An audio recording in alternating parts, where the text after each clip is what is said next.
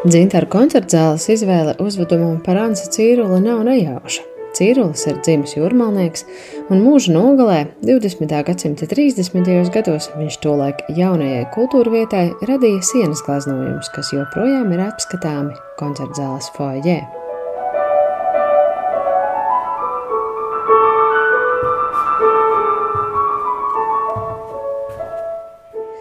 Pianista Riharda Plašānova izspēlētās cīruļa laika biedra, komponista Jēkaba Graubiņa miniatūras iedot kamertonu visam iestudējumam.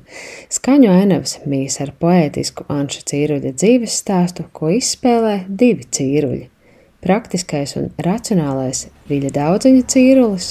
Mākslu paēdis nebūsi, ko sēsi to ļausi ansīt. Un dvēseliskais sapņotājs Cīrulītis Masputniņš ko izdzied Jānis Šepkēvics jeb Šipsī.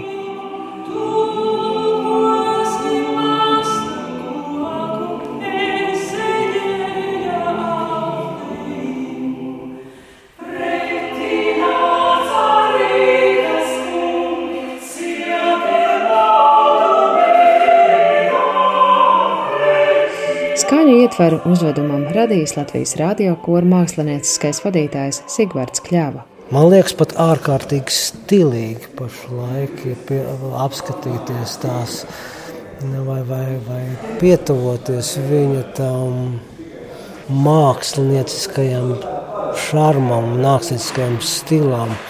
Jo te man liekas, der tas teiciens, ka tas varbūt ir tik ārkārtīgi vecmodīgi, ka tas jau ir moderns. Tas, kas man liekas ārkārtīgi tuvs un aktuāls šī brīža lietā, tā mākslinieka tā radošā ceļa izvēle vai dzīves ceļa izvēle. Jo mūsu iku soļi mums piedāvā darboties daudz racionālāk, daudz pragmatiskāk, domāt, kā nopelnīt, domāt, kā izdzīvot, domāt, kā citus pabarot. Un pretī stāv kaut kāda ideālā māksla, kurai tu vēlētos atdoties un aizmirst vispār par to praktisko pasauli. Un tāpēc ir tie divi āņķi cīruļi, kas ārkārtīgi draudzējās, bet nekad nepaliek kā viens. Diriģents atzīst, ka atrast atbilstošu skanējumu Anša Cīruļa mākslinieciskajam rokrakstam un dvēseles izjūtai nemaz nav bijis tik viegli. Es meklēju to skaņu rakstu, kas pirmkārt ir stilistiski un tādā mākslas estētikā tuvs cīruļa mākslinieckai domai. Es meklēju muziku, kas ir tā laika, taisni viņa laika, un, un cik jauki, ka viņa drauga un pilnīgi laika biedra Jēkapa Graubiņa gan tā muzikālā estētika, un arī tā dzīves uztvere, un arī tas, tas latviskais skaņu raksts un tā latviskā tautas dziesma ir tā, kas tik ārkārtīgi viņš šos abus divus lielos vīrus sakļāva. Hansim Cīrulim veltītais iestudējums tapis Sigvarda Kļavas, rakstnieces Noras Ikstenes un mākslinieces Sānas Hendriksonas ciešā radošā partnerībā, kas jau pārbaudīta kopīgi veidojot jauno, bet vēl neapskatāmo rakstniecības un mūzikas muzeja ekspozīciju. Šajā uzvedumā par atspēriena punktu Annai Hendriksonai kļuvis cīruļa alfabēts, kas šodien atdzimis par latviskā burtveidola stila ikonu. Ar mākslinieci mēs sarunājamies tieši pie cīruļa gleznojumiem Dzintara koncerta zāles priekštāpā. Man personīgi pašai vislielākā nozīme liekas uh, burti, ko viņš radījis. Tas ir tāds uh, latviešu identitātes zīme vispār. Arī laikmetīgi, jo tagad tie burti kā fonds tiek izmantots un, un, un to izmanto mūsdienu dizaineri. Bet viņš to ir radījis kā ar savu roku izdomājis nu, jaunu, absolūti jaunu nu, kaligrāfisku rakstu. Man liekas, nu, tā tāds pārlaicīgs darbs. Un, un, nu, jā, pa tiem gleznojumiem tur savukārt, protams, tur, kā lai saka, ir tāds nacionālais romantisms, tā tālāk, bet es domāju, ka katra paudze to var skatīties ar citām acīm, tāpēc, ka Tad, kad uh, es studēju par uh, Cīruli Mākslas akadēmijā un skolā, tad man tas nelikās nekas īpašs.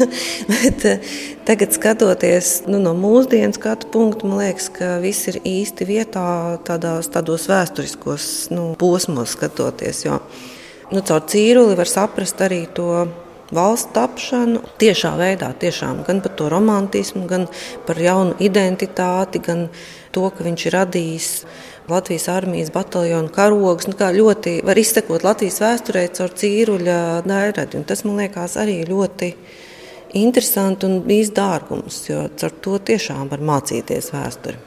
Un, turklāt viņam tāda daudzpusība ir vienkārši absolūti apbrīnojama. Skaties, ko viņš ir darījis sākot no alfabēta un beidzot ar klasinājumiem. Visu. Tādā ziņā es viņu saprotu. es arī esmu daudzpusīga. Jā, jau nu, tā kā varbūt tas ir arī kaut kā sakritis Mm, jo šī uzveduma laikā man pašai ir personāla izstādes atklāšana, šis koncerts, man ir iestudējums teātrī, un es vēl kaut ko vēl daru. Jā, tā kā, nu, tādā ziņā man tas liekas radniecīgi. Bet arī tas, kas ir šī te uzveduma tekstos, ko ir rakstījusi no Rīgstena, izmantojot arī cīruļu paša tekstus, man ļoti iekrita sirdī tā svārstīšanās, ko viņš var, ko viņš vēlās, kas viņš grib būt, bet kā laika biedri viņu uztver visu laiku. Tas it kā no vienas puses viņš ir amatnieks un, un nu, lietišķās mākslas meistars. Nu, ne tā, ka viņš pats taisīja, bet viņš dizainēja traukus, mēbeles tā tālāk, bet viņš ļoti gribēja būt brīvāks tajā radošajā garā un izpausmēs. Un tas ir ļoti arī teikt, saprotams. Kā, tu gribi vienmēr atrauties no zemes un būt kaut kas, kas tu neesi. Dzimis 19. gadsimta 80. gados Namdara ģimenē, Ansis Cīrulis sākumā mācījās par mūrnieku un amatnieku. Pamazām izkopa zīmēšanas talantu un sešas ziemas pavadīja mācībās Parīzē. Turēšķi, vēl ir braukt. Tā pati Parīze.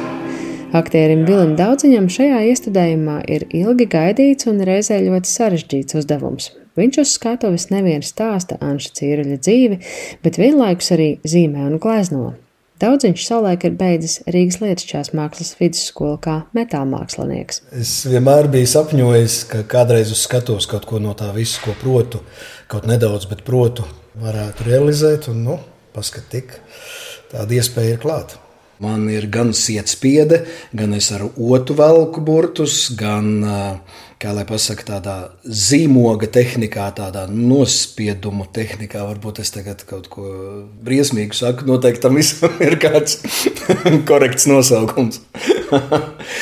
Bet, jā, līdzīgi kā zīmogs spiež, tā arī es spiežu tādus burtus. Jo patiesībā sakot, tas ir ļoti tuvu tam, ko bija izgudrojis pats cīrulis, proti, madarošana. Ja? Tātad tas ir dažādi veidi, ar kuriem tiek spiesti uz linu audumā dažādi zīmējumi, krāsu zīmējumi vai melnbalta zīmējumi. Ja? Tā ir viņa tehnika, tas ir viņa mantojums.